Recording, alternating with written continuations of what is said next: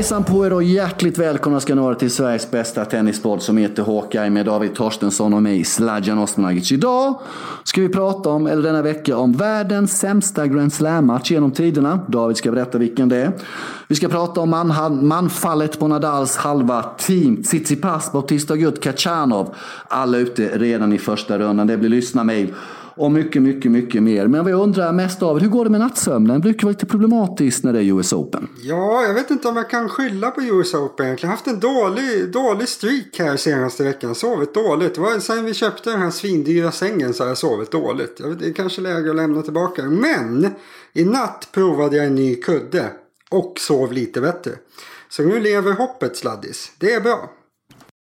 Jajamän, det låter ju väldigt, väldigt, väldigt trevligt att höra.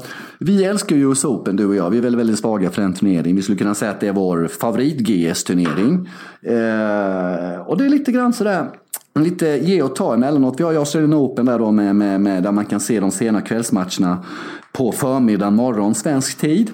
Vi har ju då Franska öppna och Wimbledon som kör på under, under dag, eh, dagtid. Som ibland, det kan vara lite jobbigt ibland kan jag tycka att titta på grustennis från 11 till 9 på kvällen. Eh, och så har vi då US Open som jag gillar lite grann. Man kan vara uppe till 2-3 och så går man och lägger sig där. Så får man ändå en hel del tennis att titta på. Vilken är din favorit-GS tv-mässigt David? Ja men det är ju US Open. Man, vi, jag har kommit fram till att det är så. Det, alltså, hur mycket man än älskar att tennis är en sport som i mångt och mycket spelas på dagtid. Det passar ju bra för sådana som mig som kan titta på dagtid. Liksom. Det är ju hur bra som helst. Men det är ju ändå det är ju mysigare att titta på tennis på kvällen på något sätt. Man börjar klockan fem, men då har man gjort allt man ska. Så kan man sitta där och sen handlar det bara om att kriga på. Liksom. Då har man alternativet gå och lägga sig eller titta på tennis. Ja, det är oftast ganska mycket roligare att titta på tennis. Så sitter man och tittar till 12, 1, 2 liksom. Så har man fått, fått in 7, 8, 9 timmar tennis. Vilket man kanske inte får när det är eh, sommar och Franska öppna och Wimbledon och varmt ute liksom. Så I själva verket så tror jag egentligen, jag tittar nog mest på US Open. Fast jag egentligen kanske skulle säga att jag tycker mer om Franska öppna och Wimbledon. Men nej, det, det är mysigt. Det är mysiga tider på US Open. Fem är en perfekt starttid tycker jag. Ja, jag håller med dig. För. Jag hade biljett igår till Röda Stjärnan Young Boys kval i Champions League sista rundan. Tror du jag gick på den eller var jag hemma och kollade på US Open tror du? Nej, du var ju givetvis och kollade på US Open, eller hur? Hemma, självklart, självklart. Ja, ja, fotboll kan man se men, på TV. Men ni klarade det va? Eller hur blev det? Eh, vi vet jag inte, men Röda Stjärnan klarade sig vidare till, till Champions League. Din stad, din klubb. Ja, min... Kan du inte vara lite patriotisk i alla fall? Så hur många avsnitt ska vi, ska vi köra innan du blir lite sådär Eh, nu tänkte jag säga juggepatriotisk, men det får man inte säga. Ja, men David, vi, vi, Lite vi, serbiskt patriotisk. För det första då, låt oss gå igenom detta. Min identitet först och främst är att jag är svensk. Jag är svensk med bosniska, serbiska och montenegrinska rötter. Sverige-nationen, Sverige-landet, det är Sveriges politik. Jag bryr mig om, jag bryr mig om hur, hur det går för Sverige och vad som händer i Sverige.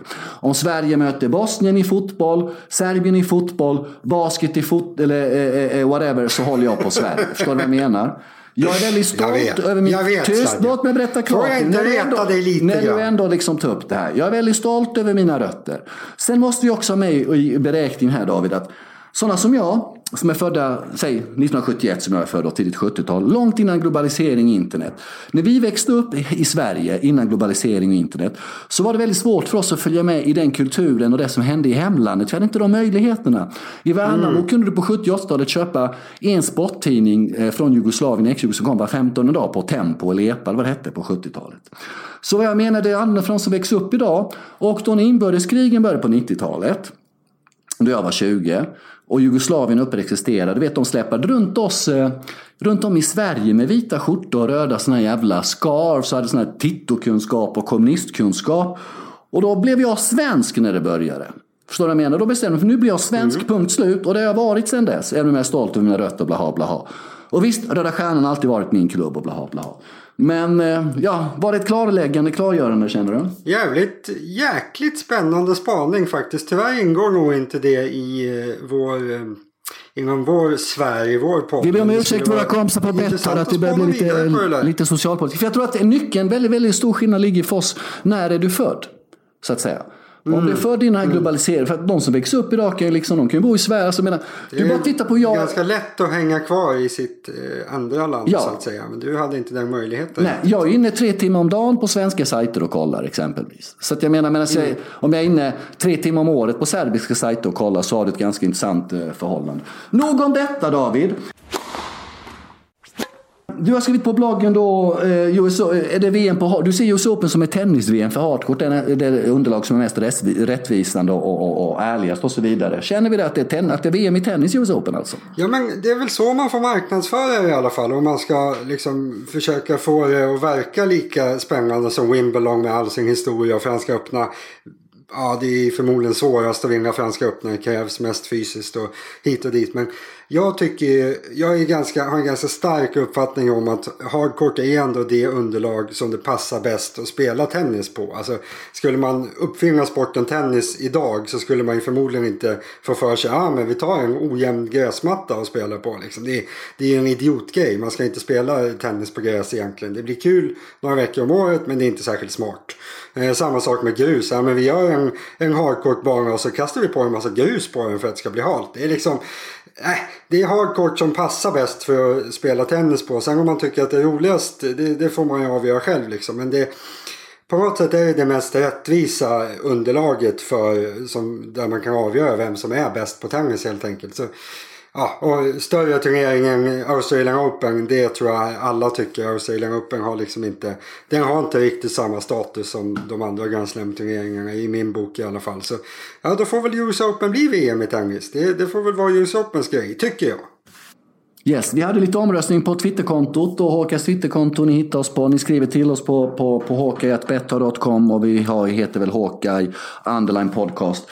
Vilken som var eh, våra, eh, som följdes där på Twitter, deras favoritgränslem överhuvudtaget, inte tv-mässigt, det blev då Wimbledon som vann den till slut. Ja, innan vi går in på team, Tsitsipas, Bautista Gutt och Kashanov som fick stryk mot Pospisil, din älskade Pospisil. Där du skrev i din blogg, där du beskyller mig för att inte läsa din blogg. Så gå in och läs din blogg. Och där står det att Kachanov kommer göra slarvsylt av, av, av Pospisil. Att Pospisil är en dum i huvudet och att han är helt värdelös tennisspelare. Han vann med 3-2 i set mot Kachanov. Men först, väldigt hypad första runda mellan Sharapova och Serena. Där Serena slaktade Sharapova helt enkelt. Var över på ja, i princip under en timme. Eh, vi konstaterar också att Coco Gauff vann i natt efter att kommit under i första set. Vände på stekerna mot Potapova. Stor talang Potapova. Roligt namn. Men, men. Ja, kommer du ihåg när han lämnade återbud till Cincinnati, Dominic Thiem, och då sa att han kanske blev förkyld när han låg där och ålade sig i gruset i Kitzbühel efter att ha vunnit den turneringen på hemmaplan. Och jag beskyllde Dominic Thiem för hur pass seriös han är, hur mycket tar han sin tennis på allvar egentligen?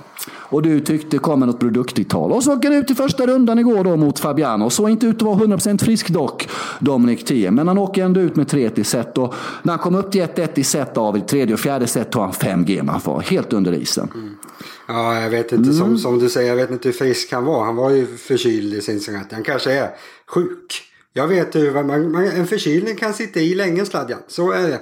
Men jag vet inte. Jag, jag är ju av den uppfattningen att han, det har vi pratat om tidigare i podden och jag har skrivit om det miljontals gånger känns det som. Jag, jag tror inte att han kommer hitta en vettig nivå på snabba underlag. Han kommer aldrig bli topp 10 på relativt snabb eller medelsnabb hardcourt eller gräs för den delen. Alltså, har man en spelstil som absolut inte funkar för den sortens tennis. Ja, vad ska han göra liksom?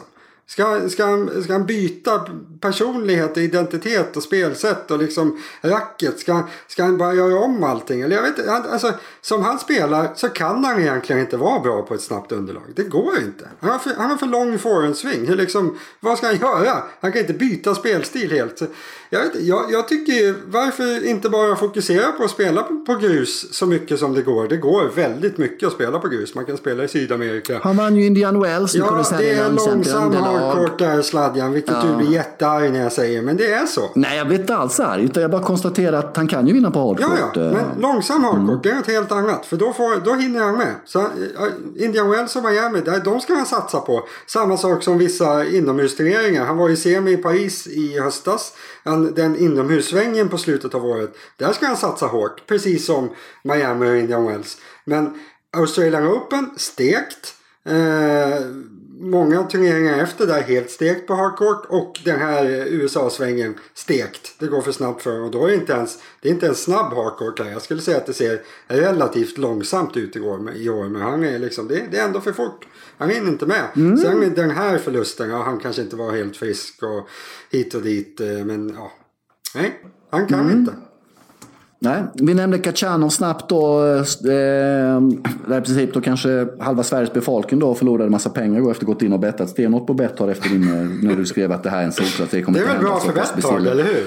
Ja, det är bra för Betthard. Men eh, ja, kort om eh, Kachanov då som eh, up and coming. Eh, han ska inte behöva torska mot Pospisil i en första runda i fem set känner man. Vad känner vad... Alltså jag såg väldigt lite av den matchen. Jag såg, alltså, han hade torskat första set men det liksom, han, han vände ju det där. Sen vann han andra och tredje ganska jämnt och varför ska jag börja kolla på den här?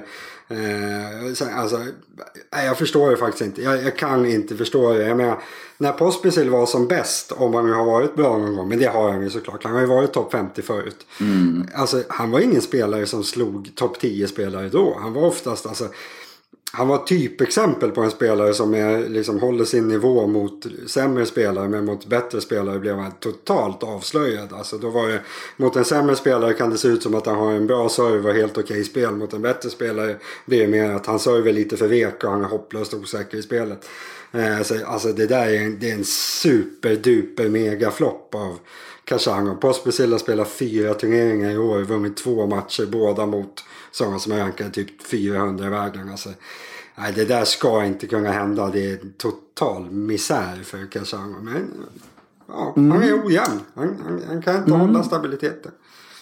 Nej, Bautista Gutt eh, nådde kvartsfinal i Australian Open, nådde semifinal i Wimbledon. Sett bra ut hela säsongen. Vi har trott att han är lite på G, men torskade i första rundan igår. Precis mm. som gjorde förra året i US Open.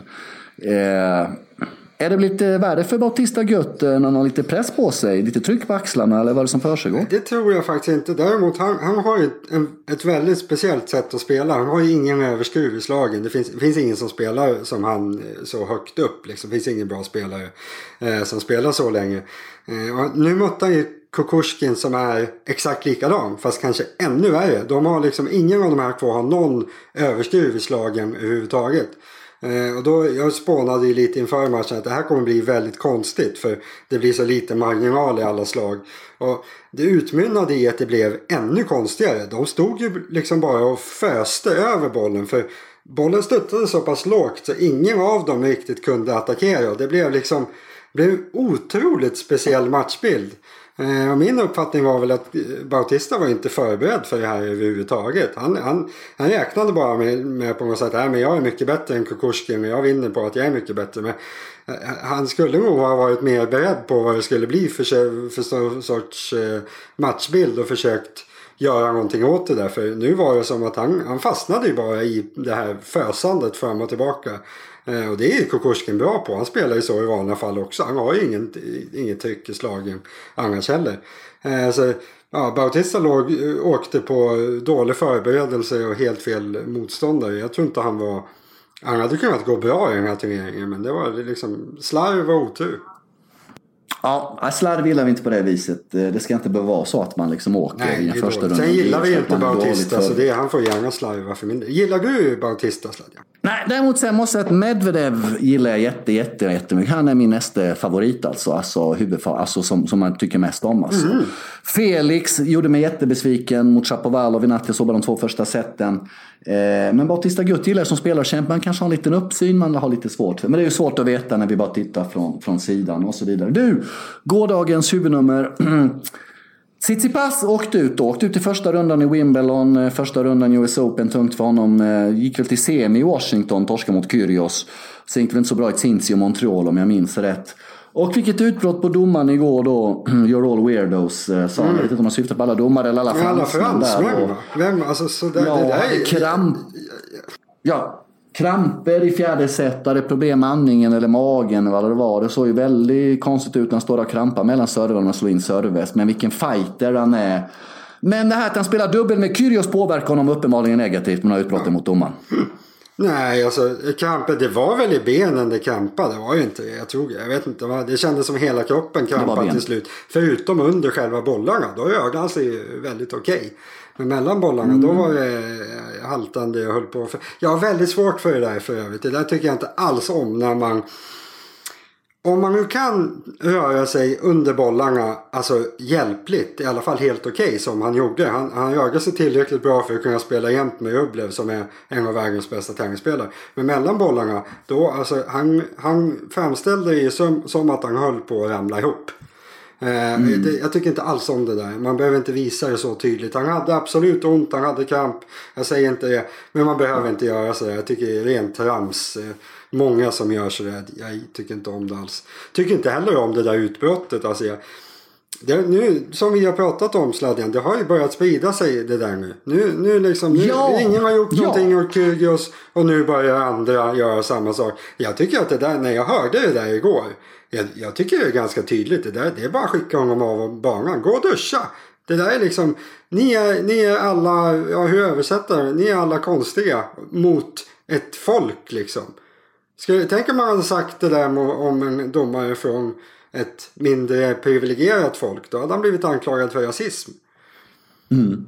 Nej, han, han borde ha åkt ut. Han fick ju poängstraff för att han tog för mm. långt. Han, han demonstrativt satt han och bytte pannband och grejer för att bara reta upp Och uppmanade domaren att ge honom straff. Ja, eh, nej, han borde ha åkt ut tycker jag. Eh, jag vet inte om man ska göra om reglerna för det där eller hur man ska göra. Men alltså, men man kan inte ha ett uppträdande. Hade, hade någon sagt något sånt där inom en annan sport, jag med.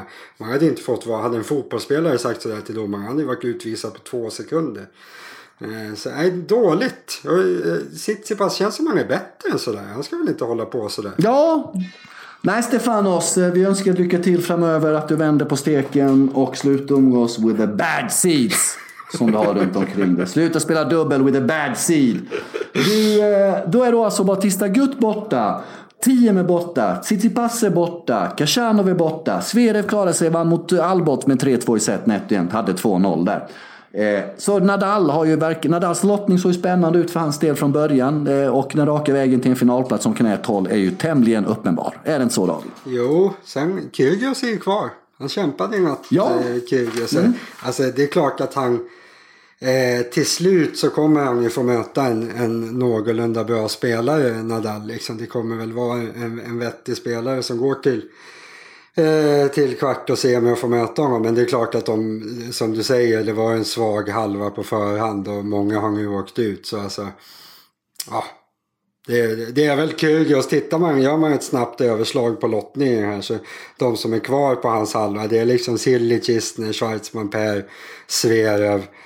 Mm, sen nästan ingen annan sida kvar på den andra kvarten. Så Ja, det, det är ju öppen gata för Kyrgios nu att gå till semi. Och Kyrgios Nadal vore väl lite halvfestligt. Va? Så det kan ju bli kul till slut ändå. Men det var inte riktigt vad den där halvan behövde att de sidade spelarna försvann. Nu när det var så klent från början. Liksom. Så varannan dag kommer det bli fullfakna när Djokovic halva. Varannan dag lite mer sömnigt om man ska vara ärlig. För Ja, det, det, det ser nästan komiskt eh, svagt ut på sina håll på den undre halvan nu alltså. Ja, det gör det. Du, innan vi går vidare i programmet. Thomas Berdic, så katastrofal utveckling du skrev också och han har då nu sagt att han kommer lägga av. Han kör väl Asiensvängen eh, Saint och Peking. Sen är han färdig för gott. Jättestora problem med höften och det är en höft som strulat utan förvarning. Det kommer att gå lite grann hit och dit. Så att vi tackar Thomas för de här åren och önskar honom lycka till i framtiden efter tennisen, eller hur? Mm, ja, jag, om man inte hade hört att han nu ska lägga av så hade jag ju tänkt att berätta det för alla här. Att han borde lägga ja, av. För ja, det var ju ja. nej, det var hemskt att se. Han mötte Bruksby, en spelare som inte ens har spelat på Challenger-touren knappt och liksom inte särskilt bra. Han var helt chanslös. Mm. Han, han, tog sig inte framåt. Så jättebra att han kliver av nu för det finns ingenting kvar där. Ganska stor spelare ja. Bergic. Vi får väl eh, sammanfatta hans karriär lite mer senare. Ja, vi tar det senare. Han är en eh, veckans spelare så småningom. Du, veckans spelare har vi inte den här veckan. Däremot har vi veckans tränare. Ja, vilken skräll! Och det är en person... Ja, och det är samma person som blev då VTAs årets tränare förra året då, Sascha Bain. Tysk-bosnier, eh, född i Tyskland men har eh, rötter i Bosnien, har förstått det hela rätt. Han jobbar med Kristina Mladenovic då för att då befästa hur liten tennisvärlden är då.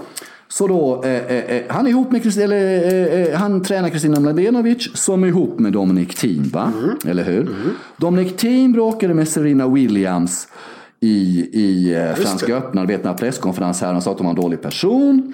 Och så vidare och så vidare. Och sen då så... Ja. Men Sasha Bajen har varit med, varit med Serena, kanske han har. Men han har tränat henne, eller han har, men han har bollat in med henne, så är det. Ja. Han var hennes hittingpartner. Vet du hon sa förresten, Serena i omklädningsrummet, när hon torskade mot Sharapova i Wimbledon 2005. Hon har inte torskat mot Sharapova sedan dess. Nej. Då går tydligen Sharapova in i omklädningsrummet och hör Serena säga till någon I will never lose to that bitch again. Vilket hon inte har gjort faktiskt. Nej, man ska eh, hålla sitt ord.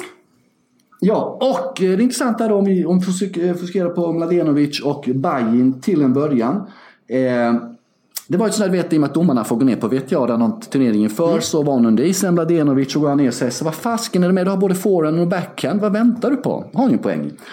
Och så vann han mot Kerber. Och eh, då är frågan då, i och med att han tog över Naomi Osaka när hon låg 68-69 i världen. Hur långt kan han gå med Mladenovic tror du här? Ja, det Sasha vet jag ingenting om. Men det ska du säkert berätta för mig nu. Vad tror du? Nej, det handlar väl väldigt mycket om inställning. Eh, hon har ju verkligen potentialen hit och dit. Eh, men eh, vi har ju sett många exempel på inom tennisen att det är svårt att hålla upp en form av kontinuitet. Va? Mm. Så det intressanta är om det blir positiva resultat. Hon är väldigt duktig dubbel, Mladenovic. Men här har ni fått en jättechans då i kanske den som är på damtränarsidan den mest spännande. Varit hittingpartner åt Serena massor, även Wozniacki och Sarenka får chansen att träna Naomi Osaka. Så det är kanske en, en bra eh, adept för vad, vad honom. tror du om, om min tanke som då följer herrtennisen aningen mer. Känns det här som en kille som skulle kunna ta över en herrspelare? Han har ju liksom, han verkar ha nått den absoluta toppen i damtennisen. Kanske har högst eller topp tre anseende där. Borde inte han vara lockad att prova herrtennisen? Ja, jag vet inte. Jag Eller vet blir det för farligt liksom? Han, han kommer inte få en toppspelare direkt. Och risken är att han inte lyckas och då kanske han tappar i anseende på totalt sett också. Så det kanske är dumt. Men det skulle vara spännande att se folk som vågar i större utsträckning Absolut. ta klivet fram och tillbaka där och prova båda. Men säg så här David, ponera att du är en eh, lite yngre tennisspelare. Säg då att han tar Nadenovic till topp 5 inom ett år, vilket ju är jättebra gjort i sådana fall. Då, då har han ju visat på både Osaka och Nadenovic att det finns någonting. Om du nu var till exempel då Säg att du är Bublik från Kazakstan eller du är Sonego från Italien. Låtsas att du är Sonego från Italien. Du är Sonego nu. Skulle, mm. skulle Bayern vara intressant för dig att jobba med då? Måste jag vara otrevlig nu i och med att jag tror att Sonego är ganska otrevlig? Eller bara liksom... Nej men välj, välj någon motsvarande Sonego. Någon, välj någon du skulle kunna tänka dig att gå in i hans kostym ja. i, i, i, en minut. Mm, Till exempel vem? Det ska vi se. Mm. Eh, nu, jag, nu är Elias Ymer nu. Okej, okay, du är Elias Ym. Den äldre av dem, okej. Okay. Ja. Men då kan ju inte ens Gud hjälpa dig, höll jag på att säga. jo, ja. Nej, men det, alltså, det, det skulle väl vara intressant. Sen är ju frågan om den här Bajen vill ta en spelare som är typ hundra i vägen på här sidan när han kan mm. få vilken damspelare som helst. Men hade jag varit någon av alla de här unga spelarna som kanske inte har fått det absoluta lyftet utan ligger 70 till 100 till 120 då hade jag inte tvekat en sekund att försöka ringa en sån som Bajen. Sen är man säkert chanslös. Jag menar, han måste ju dessutom ha väldigt bra betalt på att ta de här Alltså damspelarna tjänar ju lika mycket som herrspelarna i stort sett. Så de kan ju betala honom liksom. Vilket inte en kille som är 70 i vägen eller 100 i vägen i herrtennisen kan göra på samma sätt. Men alltså jag hade absolut frågat. För det är klart att den här killen måste ju ha en jäkla kapacitet även på här sidan när han har lyckats så bra på damsidan. Så det skulle vara spännande att se om man provade vad som händer. Det kan ju mm. gå jättebra. Serena beskrev Sasha Bain en gång som hennes äldre bror. Sen bröts det där ganska Men han är ju yngre än henne så det var ju konstigt. Han är 84, hon är 82. Ja, och, ja precis, precis. Men så är det. Du, eh, och eh, vi, du var ju väldigt upprörd, lite upprörd förra veckan om att eh, USA eller USTA, US Open gick ut och öppet och sa att Carlos Ramos kommer varken döma Serena eller Venus under US Open. Och Serena fick en fråga om detta inför hennes första match mot Sharapova. Vet du vad svaret var då? Nej, ingen aning. Yeah, I don't know who that is. Hon är så jävla sympatisk. Vilken trevlig tjej. Man får inte alltid det intrycket, det får man inte. Eh, faktiskt inte. Du, du har gjort i ordning en lista David. Kors i taket. Eh, eh, nu kör vi då lite lista med de tre hetaste namnen på Challenger-touren. Och eh, Jannik Sinner är med på dem, eh, med på listan. Honom vi då italienare mot Favrinka. Den stundtals spelar bra, man såg kvaliteten har. Men det är en bit kvar, är det inte så? Ja, visst är det så. Eh, det man ska säga, vi kom överens om att jag skulle göra den här listan topp tre unga spelare på Kärlingetouren som är liksom på väg uppåt. Det man ska säga är att det är väldigt många unga spelare som redan är inne på ATP-touren. Tittar man på liksom mm. spelare som är 19, 20, 21. De är redan inne på ATP-touren. Så var det faktiskt inte. Det är en otroligt stark generation som kommer nu rent breddmässigt. För går man fem år tillbaka i tiden. Då var det ganska ovanligt att man slog igenom och blev ATP-spelare redan när man är 19-20. Så har det varit nu i några år. Så det, de flesta av de bästa har egentligen redan lämnat Källingetouren som är i den åldern. Men jag tog några ännu yngre. Eh, och då var min topp tre-lista här en spelare som heter Zeng från eh, Taiwan. Är han. han hamnar trea. En liten eh, spenslig rackare som är född 2001 eh, som har börjat vara han är väl medelspelare på Källingetouren just nu och det är rätt bra när man är 18 år. Så jag, jag, jag, tog med honom, det finns sådana som är högre rankade i den åldern. Men jag tog med honom för det kan väl vara lite kul att få en ny asiat som kommer in och blir bra. Jag tror att han kan bli ganska bra. Han har varit väldigt bra framme i juniortävlingar. Och sådär. Eh, nummer två. Berdic lägger av nu. Passar inte bra mm. med en Berdic-kopia då som kommer i sladjan. Det tycker jag. Och vem är det? Rudolf Möllecker, en tysk. Eh, mm. Som ah, han spelar stor kluns, rör sig hyfsat, slår ganska hårt, ganska stabil. Eh, kommer knappast bli lika bra som eh, Berdic kanske, men väldigt ung fortfarande och eh, går bra på Källingetouren. Han är väl 150 vägen nu någonting, lär komma in på ATP-touren nästa säsong. Så han är en av de som går bra där. Och sen den givna ettan som eh, vissa såg möta Wawrinka. Helt sjukt genombrott i år. När han eh, vann, jag tror han vann den turneringen. Han vann en turnering i, hemma i Italien. Om det var Bergamo eller något sånt där i början på året. Jannik Sinner. Eh, då var det, alltså det var nästan ingen som visste vem han var tror jag. Han var så här, stod i 3, 4, 5 gånger pengarna mot ganska dåliga spelare i början av veckan. Men sen i slutet av veckan då hade han bara vunnit helt plötsligt. Och sen dess har det egentligen varit Alltså full fart uppåt. Eh, 18 år gammal, eh, nästan topp 100. Han kommer nog bli topp 10 i alla fall i framtiden tror jag. Supertalang. Eh, Vad har han för kvaliteter, Jannik Sinner, som, ja, som du tilltalas av? Som du tror gör skillnaden för ja. honom att han tar sig in på topp 10? Nej, men han är, alltså, han är, han är lång, lång, bra teknik. Det finns liksom, grunderna är egentligen omöjligt att få bättre. Han gör sig ganska bra, han har längden, han har bra teknik fortfarande otroligt tunn i kroppen. Det ser ut som han väger 50-60 kilo någonting. Fast han är 1,90 lång liksom. Så, han, det finns lite potential att växa på sig där och då kommer han såklart bli bättre. Men råmaterialet är ju otroligt bra. De har en fantastisk generation på gång, på gång för övrigt italienarna. De har ett par spelare som är ännu yngre som är 16-17 som redan vinner lite matcher på Källingetouren.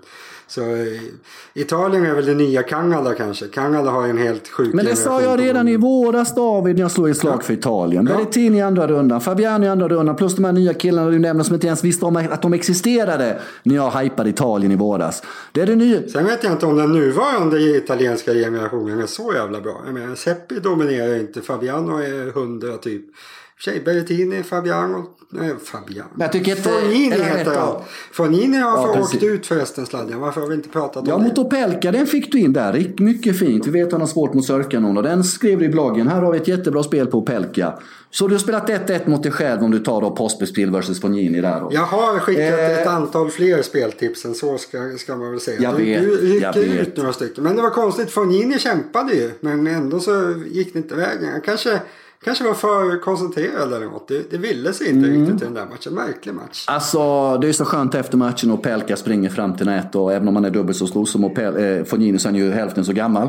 Ja. Och Fabio, alltså han tar så han stapplar fram till det. Och så ska jag sträcka ut handen och det är sådär så att Opelka får sträcka fram sig. Alltså han var så, och bara great game Fabio. Och Fabio bara tittar på honom med förakt och bara så, aj det är jävla kung alltså. Vem fan är du var det enda han tänkte. Ja. Ni lyssnar på Hawkeye, Sveriges bästa tennispodd. Om en stund ska vi prata om den sämsta Grand Slam-matchen som någonsin har spelats, som David var tvungen att titta på. Och så ska vi prata lite politik också.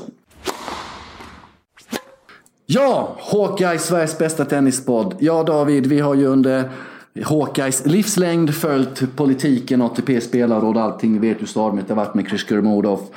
Gimmerstopp borta från den där grejen han var med, var med i, där tre stycken sitter. Och Djokovic president för andra rundan och Nadal och Federer numera invalda i, i, i spelarrådet. Din, din gode vän Pospisil där.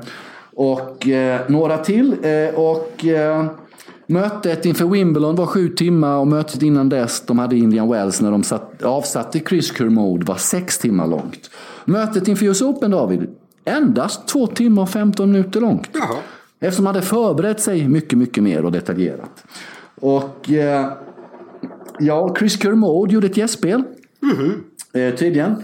Sen fick han gå. Då kom Pospisil in med tre, fyra, tre eller fyra olika advokater. Möttes de i dörren där då? Kermode fick gå och så kom Pospisil in. Var det så det var?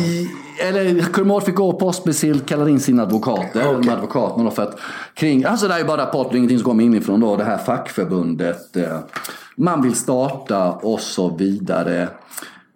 Ah, men blir det inte lite, alltså, det är alltså första gången i världshistorien vi har världsettan, världstvåan och världstrean i spelåret. De tre spelare som har vunnit flest Grand Slams någonsin är med i spelåret. Det har aldrig hänt förut. Är Roger och Raffa där bara för att bevaka Novak eller vad är det som försiggår? Det är ändå. Pospisil som bestämmer. Det låter som att han sitter på någon slags tron där. Och så frågar de andra honom om, om de får säga någonting. Han är en jävla chef Pospisil. Han bara, han bara sitter Nej, jag tror tvärtom. Alltså- jag tror att han kanske tror det, men att han inte är det. Utan att han, de Eh, Är måste det Roger som sitter på på. tronen och de liksom måste komma fram och ge Nej, honom ett tror äpple att det för är att få säga något och grejer. Nej, jag tror nog att det är Novak. För nu är de här två, Novak är president, han sitter, de här två kom in lite grann. Så jag tror nog att det är Novak som shots i det där rummet, än så länge. Eh, faktiskt. Nej, jag vet inte vad... Det är konstigt det där som du säger. Alla de tre bästa, största, inte vackraste kanske, men alla tre är där och ska bestämma. Utan det känns som... Nej, jag vet inte. Det, det, det luktar lite maktkamp. Det gör det. Eh, Och intervju med Djokovic eh, i, på serbiska sportklubb efter första matchen. Vi har ju pratat mycket om tenniskalendern, du och jag i podden. Och ni som lyssnar på oss, det går jättebra att skriva in till oss på hkasnabelabetter.com. Hur tycker ni tennissäsongen ska se ut? Vad har ni för förslag? Vad ska man göra för ändringar? Så kanske vi bygger ut det i något program längre fram då, att man tar någon jättegrej om det. Men du Novak hade lite ganska lika funderingar som du och jag har. Ja. Lägg Australian Open skulle mycket väl kunna spelas i mars. Lägg Franska öppna en eller två veckor tidigare så att du får fyra eller fem veckor mellan Franska öppna och Wimbledon. Man kan in en stor grästurnering till. US Open kan man spela säg, sista veckan i september, första oktober exempelvis. för att få mycket, mycket mer luft mellan Wimbledon och US Open och att de största spelarna kommer till de här införturneringarna. Sen kan man köra Asien två veckor ATP-slutspelet på det ungefär. Eh, lite äggande tanke. Vi får se hur det blir till slut om den här eviga tenniskalendern någonsin kommer kunna att förändras. Ja David, du har alltså sett världens sämsta Grand Slam-match genom tiderna. Låt mig då först berätta. När jag sitter där då framför tvn och hör att en 16-åring vid namn Svaida håller på att slå Lorenzo så tänker jag helvete vad den här Svajda måste vara talangfull. Men det är han inte enligt dig. Nej, jag tycker inte. Jag hade samma konversation med min fru i tv-soffan. Att hon hävdade att nej, men nu, han, är, han är 16 år. Tänk om han håller på att slå igenom här. Liksom. Han, du, du, du har ju bara inte sett honom förut. Han kommer bli så här bra nu. Eh, och då svarade jag att nej, jag ser att han inte är bra. Det tycker jag var ett bra svar. För det spelar ingen roll om han är 16 och gör vilket resultat som helst. Ser jag framför mig att nej, han är inte bra. Då är han inte bra. Jag tror inte att han kommer bli särskilt bra. Han kom in här på wildcard för att han hade vunnit eh, motsvarande SM för 18-åringar i USA. Där det är ju ingen spelare som är med i det där av de bra utan de har ju redan börjat spela proffsturneringar. Eh, men eh, det var, det var lite tragikomiskt, kan man säga så? För Lorenz är en fascinerande spelare också. Att han, han har ju varit ibland topp 100, ibland precis utanför 100. Men han, han har liksom hängt med eh, på gränsen mellan ATP-touren och Kärlingetouren i väldigt många år.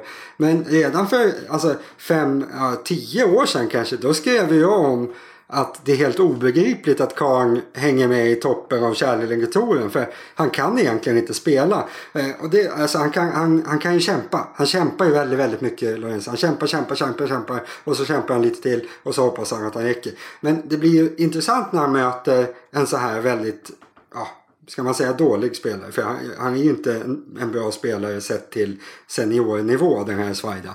Eh, Svaida han, han, han, hade inte mycket tryck i slagen, väldigt tunn. Han stod liksom och bollade över bollar som lite halvhögt och löst damp ner vid servlinjen. Och Lorenzi kunde inte attackera. Och det jag satt och tänkte hela tiden att om det hade varit en lite annan spelartyp än Lorenzi som vågade attackera de här bollarna. Då hade det varit upplägg nästan hela tiden. Men de och bara liksom pressade honom i ett hörn. Han kunde inte försvara sig i hörnan heller Svaida. Så, eh, det var fruktansvärt låg nivå. De stod liksom och bollade löst och kort och vekt. Och han var nervös, Lorenzi och Svaida blev lite trött till slut. Nej, sammantaget, det var faktiskt den sämsta matchen i en Grand Slam-turnering jag sett. Och det var kombinationen av att Svaida 16 år ska absolut inte vara med i en Grand Slam-turnering och Lorenzi blir liksom parodiskt dålig när han möter någon som inte hjälper honom med att sätta lite fart på bollen. Så, det var intressant. Svaida höll ju på att vinna den där matchen och då hade ju varit, ja det har ju aldrig varit en, en förhållandevis sämre spelare som har vunnit en Grand Slam-match än vad han i så fall hade varit. För alltså han, om han skulle spela på Källingetoren skulle han inte, han skulle i princip inte vinna en match. Den bästa spelaren han hade slagit inför det här var rankad typ 500 i vägen någonting. Så det säger väl en del om vilken nivå han håller. Sen får vi se 16 år som Clark. Han, han kan ju bli hyfsad. Men det är ingen kommande mm. världsstjärna i Lärsladjan. Det är det inte. Nej.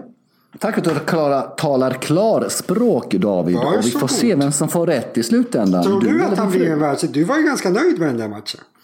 Nej, men jag såg ingenting av den. Jag blev ju taggad Nej, på att se den. Jag har inte det Eurosport Play, så jag har ju bara Eurosport 1 och 2 att välja mellan. Så att jag styrs ju av det de väljer att visa då. då. Eh, men jag blev ju taggad och äggad av att se det. För du tänker en 16-åring. Ja, visst. Zachary Swide. Det låter ju ett coolt namn också. Det är alltid ett plus. Du vet och du tänker wow vad fan är det här liksom. Men ja, så talar du klarspråk istället så är det skönt med det liksom. Så, så, så vet man. Jag delar ut lärdom som hjälper folk ja. att förstå sig på världen. Så är det. Om jag säger Xiska. Xiska med X, vad tänker du på då? Ingenting. Raffas flickvän heter Just Xiska. Francis. Mm. De ska gifta sig. Ja, det ska de. Och då är min fråga, du, du svarar ja eller nej på följande frågor som kommer nu. Ja. Är Cristiano Ronaldo bjuden på bröllopet? Ja, ja eller nej? Ja, ja. Det är korrekt. Är Roger Federer bjuden på bröllopet? Yes. Eh, ja, det är korrekt.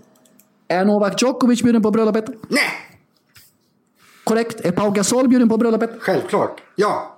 Det, ja! Fan vilken koll du har David. Du är en bra kille du. Ja. Du är mycket, mycket, mycket bra kille. Jag förstår mig på Nadals bekantskapskrets. Det kanske sitter ett foto på Djokovic där utanför. Släpp inte in den här mannen.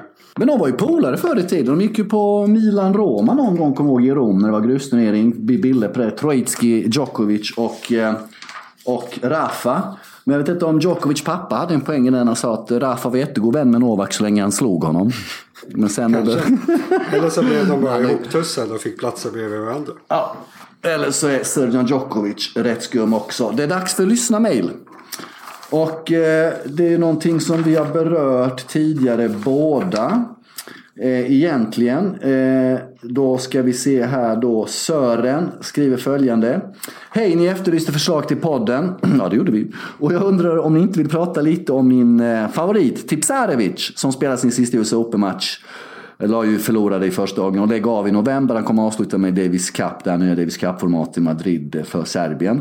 Det skulle också vara kul att höra era personliga åsikter om vem ni tycker borde lägga av efter säsongen. Där är ju Berdic, eh, du är ganska klart och tydligt och det kommer han ju göra.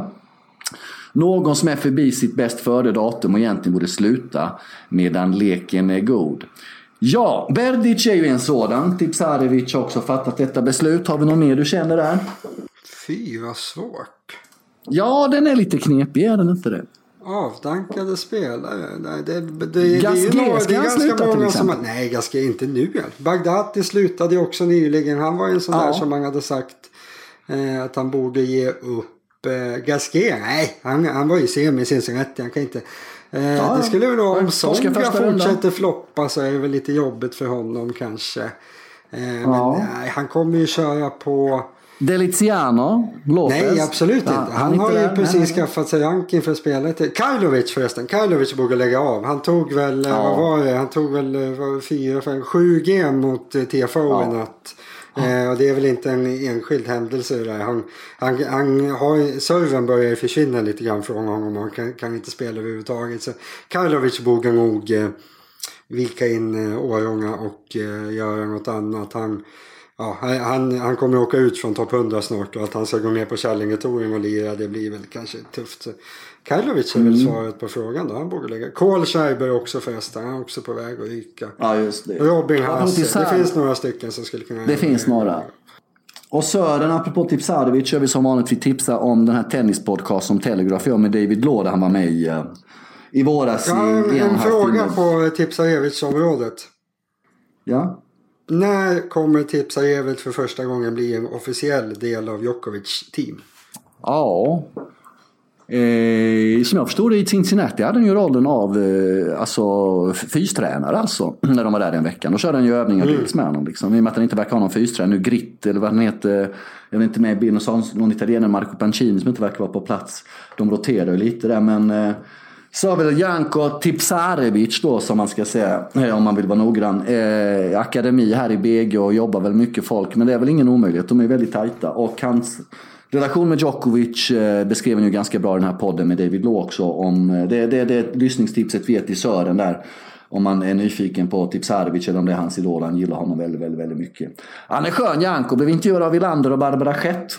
När de tog upp den här femsetan mot Djokovic 2011 eller vad det var du vet. Var det det? den här jobbiga matchen där då. Eh, som Novak vann till slut. Vi har ett lyssnarmail till. Och det är bara att skriva in till hawkeye.bethard.com. Och det är med skyddad ranking David. Det är ett ämne du är intresserad av och gärna har mycket. Du har mycket åsikt om det här med skyddad ranking, eller hur? Ja, nej, Och den är lite svårbegriplig inte. ibland kanske. Ja, jag vet inte om jag begriper den helt eh, heller. Alltså man Nej. får ju...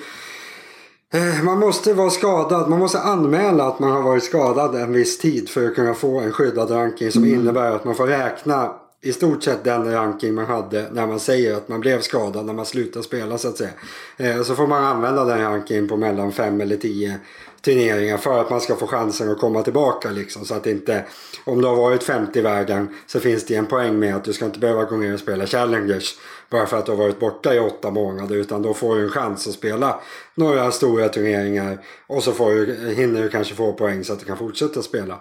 Men det, det där det, det utnyttjas ju på ett helt felaktigt sätt. att Har man varit skadad en gång, ja då får du 5-10 turneringar, vilka som helst som du får spela och du får sprida ut dem på egentligen hur lång tid du vill. Det var ju Tursunjov som utnyttjade det här på ett helt vansinnigt sätt. Han spelade i alla Grand Slam-turneringar i typ fem år fast han hade slutat spela liksom. Och vad blir det? Det blir alltså om du spelar 10 slams så, så tjänar jag, du tjänar 5 miljoner bara på, på att torska dem liksom. Så jag tycker att det borde, lösningen är hur enkel som helst. Det är att, ja, jag tycker att man ska kunna få spela några turneringar när man kommer tillbaka från skada eh, på sin gamla ranking. Men då ska det ju vara de minsta turneringarna. Då ska, då ska man få åka till Stockholm eller Båstad eller eh, vad det nu är, alla de här 250 turneringarna. De turneringarna, absolut. Ge folk 5-10 sådana turneringar som de får spela. Men varför ska man få spela US Open på en skyddad ranking. Liksom. Det, det finns ingen, då får man kvala i så fall tycker jag. Det är jätteenkelt. Så det där det är ett extremt dåligt system. Det är bara dåligt uppbyggt. Hade jag fått göra det så hade det blivit mycket bättre. Det är enkelt. Det skulle vara jätteenkelt att få det att fungera. Men nu är det ganska värdelöst. För det, det är fem spelare typ varje gång som kommer in på den här skyddade rankingen. Och vissa av dem är ja, inte i skick att spela. Det blev lite Jeopardy av det här. Jag hann inte läsa upp frågan riktigt innan Kan du ta svaret den kom. i efterhand frågan- så kan jag kanske svara Ja. igen. Ja, vi får, se, vi får se om du är nöjd med svaret nu. Frågan är då från Tommy Börjesson. Tack för att du mejlade till oss Tommy. Jag tror du är första gången du mejlar till oss. Eh, skyddad ranking såklart. Fattar ingenting av dessa regler och det har ju gnällts om detta tillräckligt nu tycker jag. Kanske ni inte heller fattar. Så visa nu att ni är vassast i tennis-Sverige. Enlighten us. Känner du att du har Vi- Vi är alltså värdelösa. Jag sa ju att jag inte hade full koll på den heller. Så. Nej. Tyvärr eh, Tommy, vi är två oduglingar som inte kan någonting.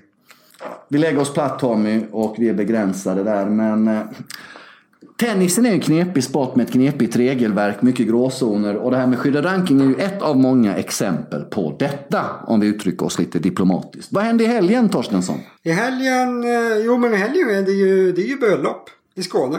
Fyra dagar, nej tre Ja. dagar. Men vi ska åka imorgon. Så det blir, det blir eh, jag och eh, frugan tid. Och inga barn med, eller? Nej, Stort grattis David! Nu är äntligen en helg du ser fram emot. Alltså, du ser fram emot en helg som innär resa eftersom barnen inte är med. kommer, jag kommer sakna grabbarna jättemycket. Jag sa det till August i morse att det här kommer inte bli roligt. Kommer bara så tre, tre, tre nätter Sladjan. Det är mycket att vara utan dem.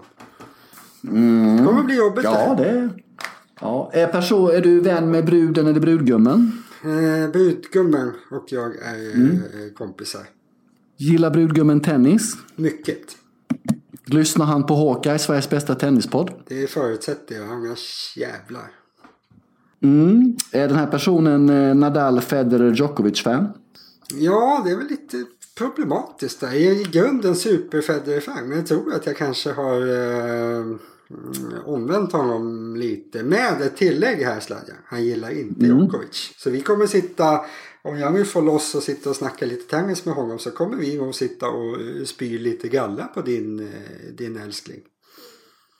Hur Ja, känns det? han gillar inte Djokovic Nej. eller? Nej, eller Nej, nej, nej, nej. nej. Eh, har han- Djokovic gjort honom illa eller? Det tror jag Fysiskt eller personligen? Man får tycka illa om Djokovic ändå. Nu ska inte du behöva gå in i försvarsposition där. Det finns folk som inte gillar Djokovic. Älskar den.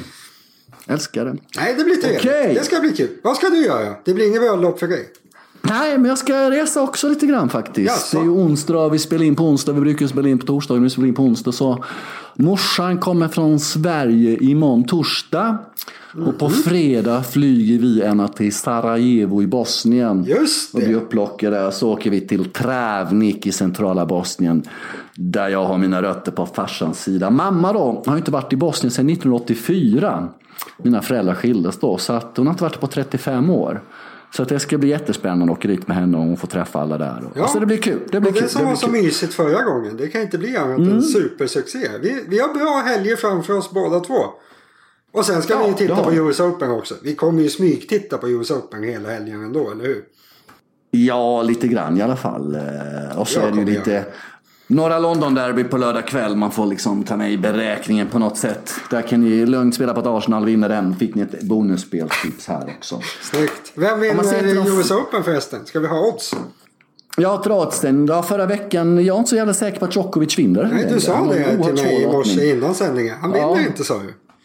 Nej, med Medvedev i en kvart och fixar ner sig det Federer i en semi, sen väntar eventuellt Rafa i final. Kan bli tufft. Vi får se. Men eh, ja, nej. Djokovic, Eh, eh, så- Djokovic två gånger pengarna. Nadal 3,75. Mm. Federer 8. Medvedev 13. Sen kommer alla andra. Zverev, Kyrgios eh, 26. Wawrinka 34. Cilic 50 och så vidare. Oddsen hittar ni på Betthard. Just idag skulle jag spela på Nadal. Just idag! Just nu skulle jag spela på Nadal. Men om vad skulle jag spela på om tre timmar, det vet jag inte.